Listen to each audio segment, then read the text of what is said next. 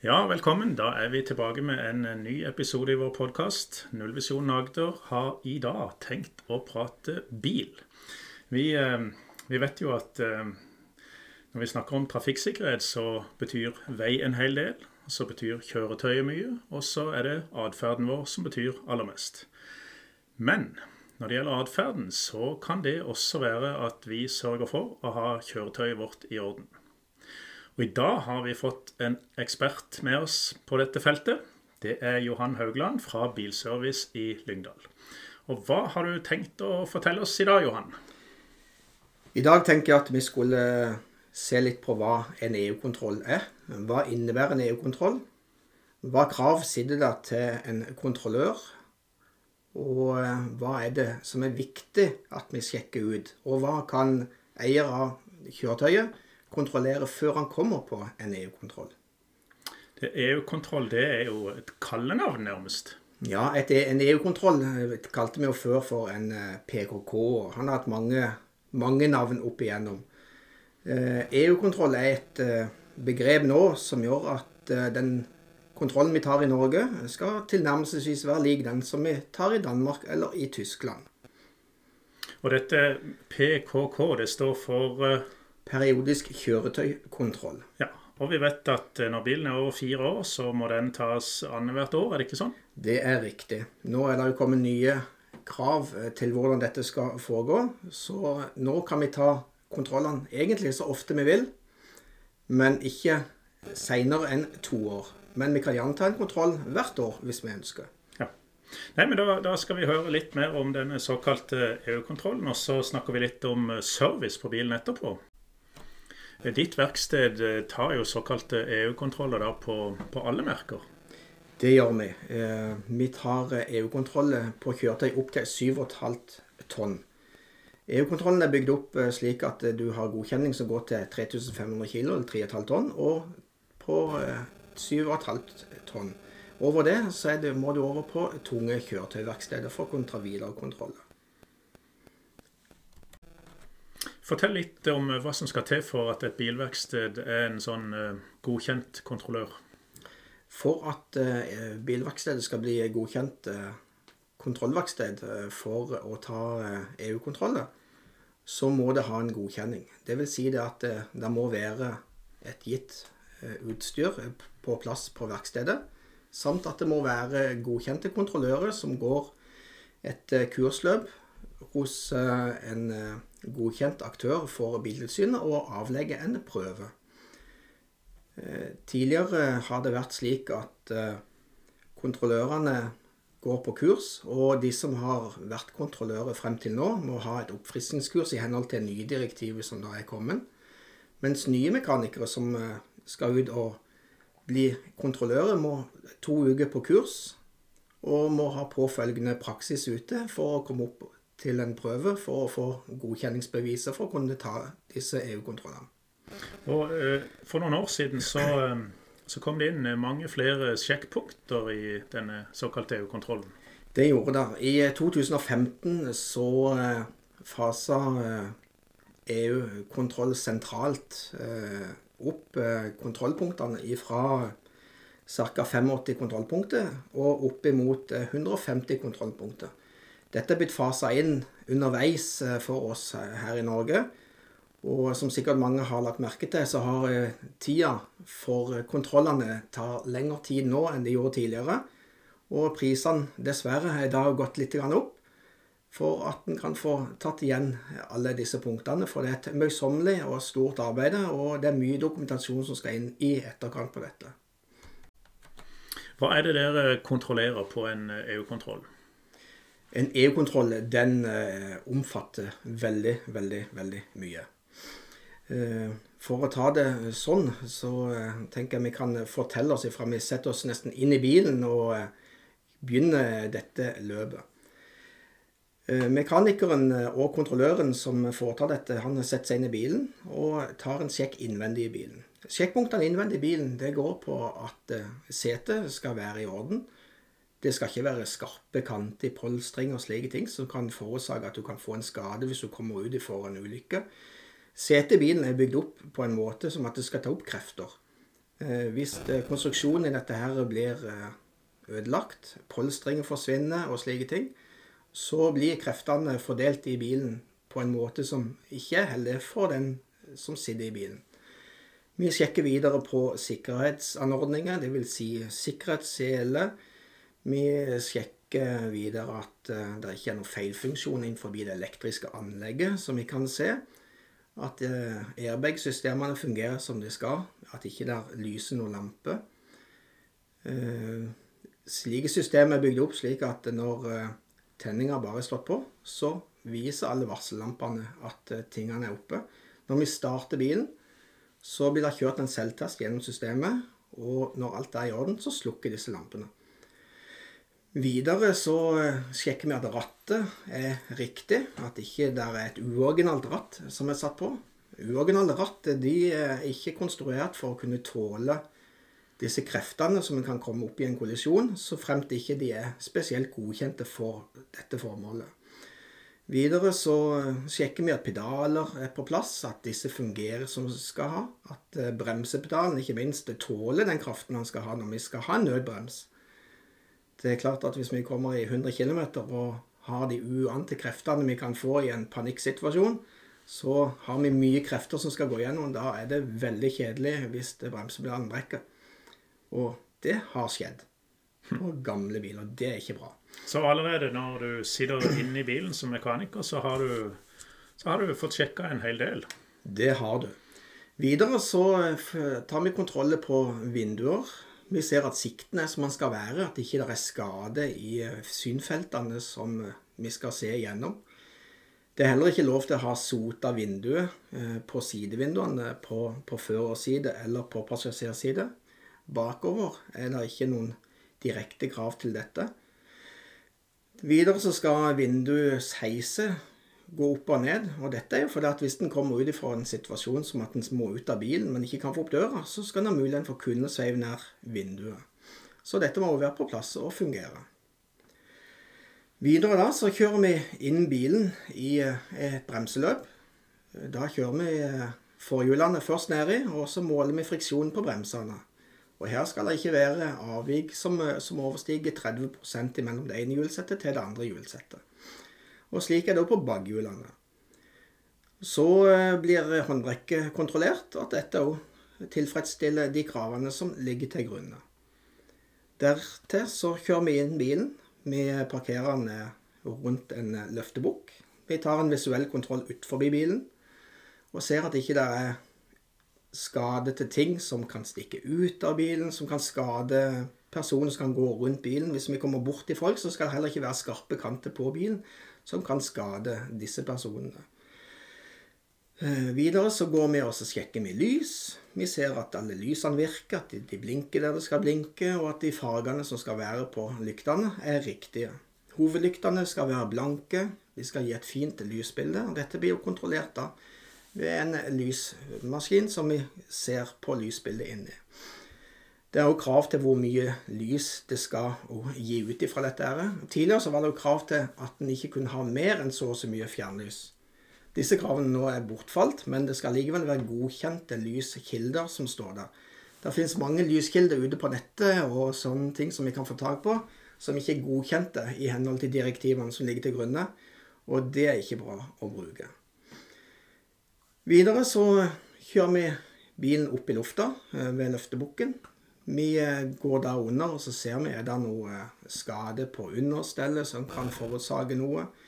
Er det rust i bærende konstruksjoner? Der er det egne mål som skal legges til grunne for at det skal være en mangel. Litt er godkjent. Mye er ikke godkjent. Her er det strenge krav som ligger til grunne. Videre så går vi og sjekker eksosanlegg. Er dette tett? Dette har jo både for miljøet sin del, og ikke minst for oss som sitter inne i bilen.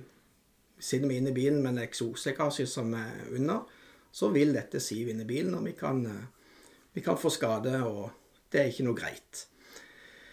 Vi kontrollerer videre oppheng på bilen, dvs. Si eh, foringer, bærende konstruksjoner ut på eh, hjulsett, bremser for rust, bremseklosser, bremserør, bremseopphenger, overføringer slik som til håndbrekket og slike ting, at dette fungerer og henger på plass der som det skal være. Bensintank, lekkasjer, og eh, at ikke det er væskelekkasje fra motor og oljedrypp og slike ting som, som ikke er bra for miljøet vårt. Ja, jeg hører det er mye her som dreier seg om sikkerhet. og og jeg, jeg, aner at det er ikke alt dette som er så lett for meg å, å kontrollere sjøl heller. Nei, mye av dette er komplekse ting, og mye henger veldig i sammen. Eh, bilen er et, et sammensatt eh, musikkinstrument, for å si det sånn. Den, eh, den, skal låte fint bak, og den skal male som en katt framme i motoren. Og eh, det er klart at eh, det er mye her som skal henge sammen, og eh, for at vår kjøreopplevelse skal bli bra, og eh, sikkerheten skal være bra for oss ute, så er det veldig, veldig viktig at eh, alt er i skjønneste orden når vi beveger oss ut på veien. For oss selv, og ikke minst for alle andre. Ja, nettopp det. Der sa du det. Så dette er jo for at det skal være sikkert for meg som kjører bilen, og de passasjerene jeg har med, men, men også for de andre trafikantene. Ja, og det er klart at eh, det er jo her det er viktig at vi alle tar det ansvaret som vi faktisk har, og holder bilen og kjøretøyet vårt i en sikker og forsvarlig stand.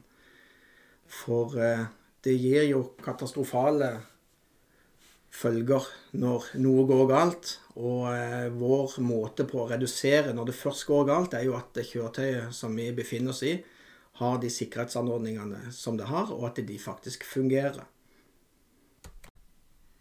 Ja, der fikk vi høre litt. Nå, nå, sa du at det var økt til omtrent 150 sjekkpunkter, men vi fikk en, en veldig god smakebit nå. Veldig mye av det du fortalte om nå, går jo på sikkerhet. Og da tenker jeg som så Når min bil da er EU-kontrollert, såkalt, eh, og, og du har sjekka den ut, og vi har eventuelt fiksa de småtteriene som måtte være, så kan jeg, da, kan jeg da være trygg på at den er god og, og trygg i to år? Det kan du nok dessverre ikke. Og det er nok dessverre veldig, veldig mange som tror.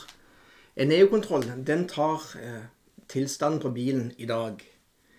Litt sånn som en helsesjekk når vi går til doktoren vår, og som måler med blodtrykket vårt i dag, og så ser blodtrykket greit ut. Men vi vet ikke hvordan det blodtrykket vårt er om et halvt år til.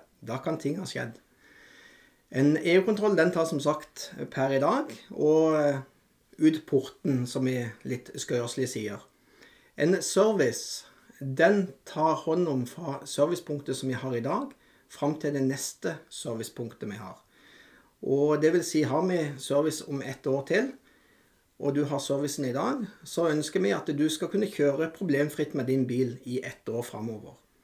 Da må vi ta høyde for at eh, eksempelvis bremseklosser, hvis de er slitt to tredjedel, så vil si kanskje at vi kan kjøre 5000 km med dem. Men det er, jo, det er jo kanskje 20 000-30 000 til neste service? Det er nettopp det som er. Og da kommer de 5000 km veldig fort på bilen.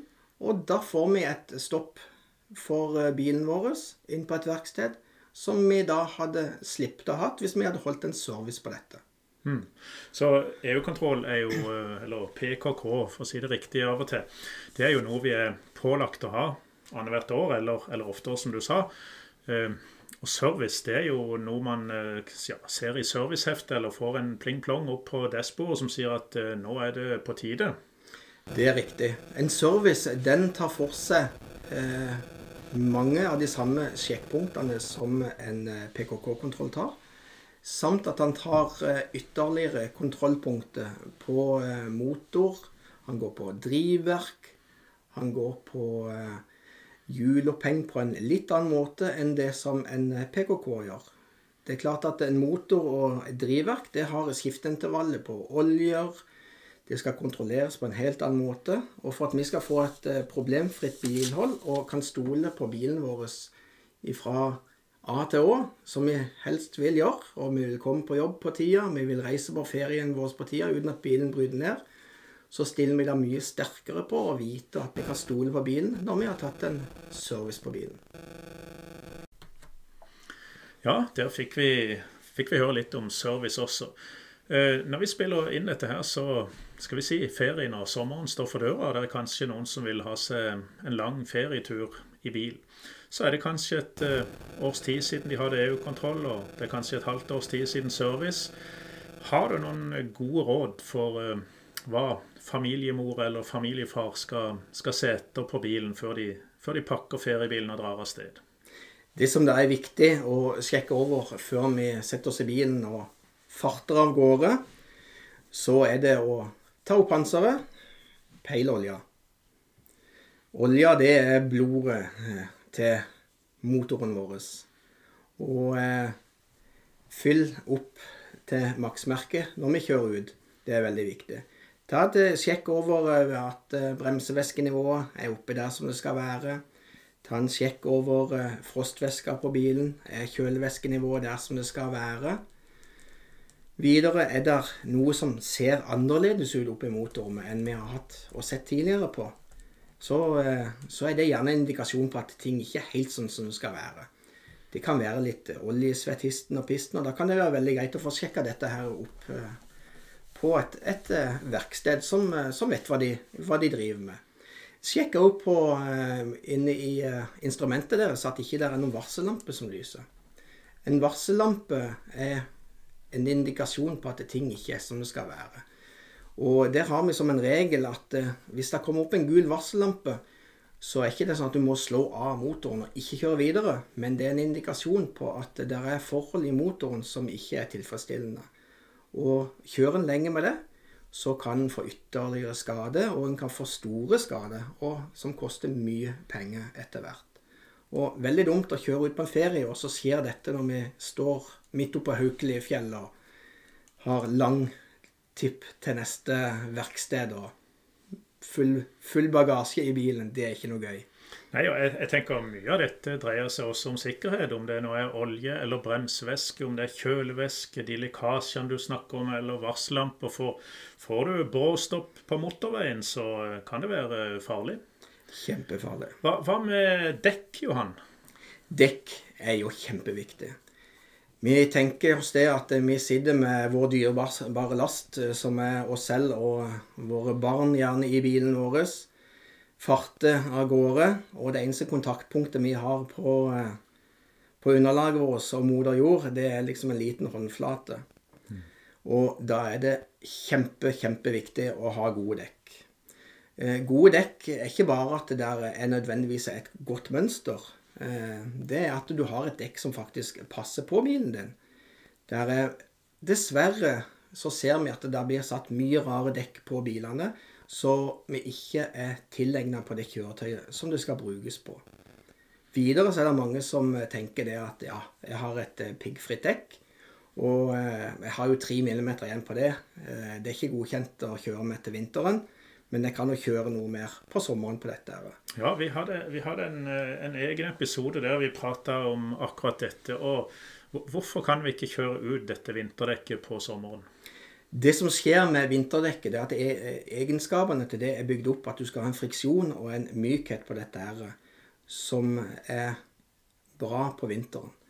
Det som skjer i grove trekk når det kommer på sommeren, når det blir veldig varmt på asfalten, blir varmt eh, i dekket når vi kjører, det er at dekket blir veldig, veldig mykt. Og eh, det kan vi merke med at bilen ikke er stabil når vi kjører i svinger. Han, han slipper gjerne ut. Han kviner mer i, i, svingene. Det høres litt ut som amerikanske dekk som vi har fleipa med før i gamle dager. Og eh, får vi en bråbrems da, så får vi en veldig lengre stopplengde på dette. Og det er ikke bra å kjøre på. Ja, her var det mange gode råd. Ja, det er viktig å, å, ta det med seg. Videre så er det viktig at vi, eh, vi sjekker over frontruta vår. Frontruta er en vital del på bilen, og eh, det er fort gjort at det kan være din steinsprut eller slike ting. Da er det viktig å forsegle denne. Eh, det som skjer hvis ikke vi gjør det, det er at denne her lille steinspruten som er der da, den kan gå utover til en lang, lang sprekk. Det er ikke noe fare for at ruten vil dette ut eller slike ting. For eh, ei frontrute den er bygd opp i, i, to lag med en sterkt laminert flate innimellom. Men han vil gå direkte utover sikten din. Og en eh, sprekkdannelse over eh, det ytterste laget eh, på frontruta vil òg ødelegge vindusviskerne dine når de kjører fra. For da får du en veldig slitasje på dem. Og sikten vil da bli veldig dårlig når du da kjører i regnvær. Men så kjører vi på denne sommerferien, og så skinner sola forhåpentligvis, og så er det godt og varmt. Så vil jeg gjerne ha det litt kjøligere i bilen. Og da er det jo utrolig greit at aircondition-anlegget ditt fungerer. Og en eh, veldig god indikasjon der er jo å sette på aircondition-anlegget og kjenne er det like god kjøl i dette her som det var i fjor. Aircondition-anlegget er jo bygd på den måten at når det er litt kjølig ute, så kan det fungere. Men det har likevel mista litt gass inni dette. her, For denne gassen som går i dette kjøleanlegget, er veldig, veldig fluktig. Og eh, anlegget kan tilnærmelsesvis være tett, men på sikt så siver det bitte, bitte, bitte grann ut etter hvert. Og Derfor er det lurt å ta en liten service på et aircondition-anlegg. Og en service på et aircondition-anlegg det vil gå på at da vakuumerer vi hele rørsystemet på dette. her. Vi tapper av den gassen som er der. Vi sjekker rørsystemet at dette er tett. Og vi erstatter eh, den gassen inn igjen med den mengden som er oppgitt på. Og da kommer da òg ny olje inn i dette systemet som skal smøre kompressor og slike ting. At dette skal fungere optimalt. Videre så er det òg viktig at vi eh, skifter det såkalte pollenfilteret. Pollenfilteret er det som eh, filtrerer all uromskheter som kommer utenfra, slik som pollen, frø, sand, grus Ja, det er mye rart som vi har funnet oppi dette her. Og eh, spesielt med det klimaet som vi har her hos oss, så eh, har vi det fuktig om eh, høst og vinter, og vi har det godt og varmt et par uker, gjerne om sommeren. Og så har vi fuktige netter. Og hvis ikke vi skifter dette pollenfilteret her jevnlig, så får vi fort bakteriegroing i dette her. Ja, og folk er jo mer og mer allergiske, og det, det går jo på sikkerhet dette også, hvis vi sitter og hoster og nyser og øynene renner, og, og samme som tilbake til, TR-condition, hvis det plutselig er altfor varmt og, og, vi blir dovne i bilen, så, så, handler det om sikkerhet. Det handler i, i sikkerhet eh, hele veien. Det er en rød tråd fra skiltet framme til skiltet bak. Alt eh, henger sammen. Og at vi skal få den gode kjøreopplevelsen eh, som eh, vi ønsker å ha. Og ha den sikkerheten og passe godt på oss selv og være oppmerksomme på det som skjer. At ikke ting kan skje. Og vi har gjort vårt for at ikke andre ting kan skje. Så hold servicet. Pass på bilen. Følg EU-kontrollene. Gjør det som kommer eh, opp i eh, anbefalte leier som eh, i instrumenter. Hold, hold, det, hold, som sagt det som er bilens instrumentpanel tilsier at du bør gjøre, og verkstedets anbefalinger. Så får du et problemfritt bilhold. Ja, og Det handler om sikkerhet. Det handler om å holde kjøretøyet i orden og trygt og godt for både vi som sitter inni og og de andre trafikantene. Helt klart. Og da får vi en fin ferietur. Da tror jeg vi må runde av. Vi, eh, vi, takker Johan Haugland fra Bilservice i Lyngdal, som har gitt oss mye informasjon om både service og EU-kontroll, og hva vi kan gjøre sjøl. Da må vi bare si god ferie. Torstein Salvesen, Nullvisjonen i Lister.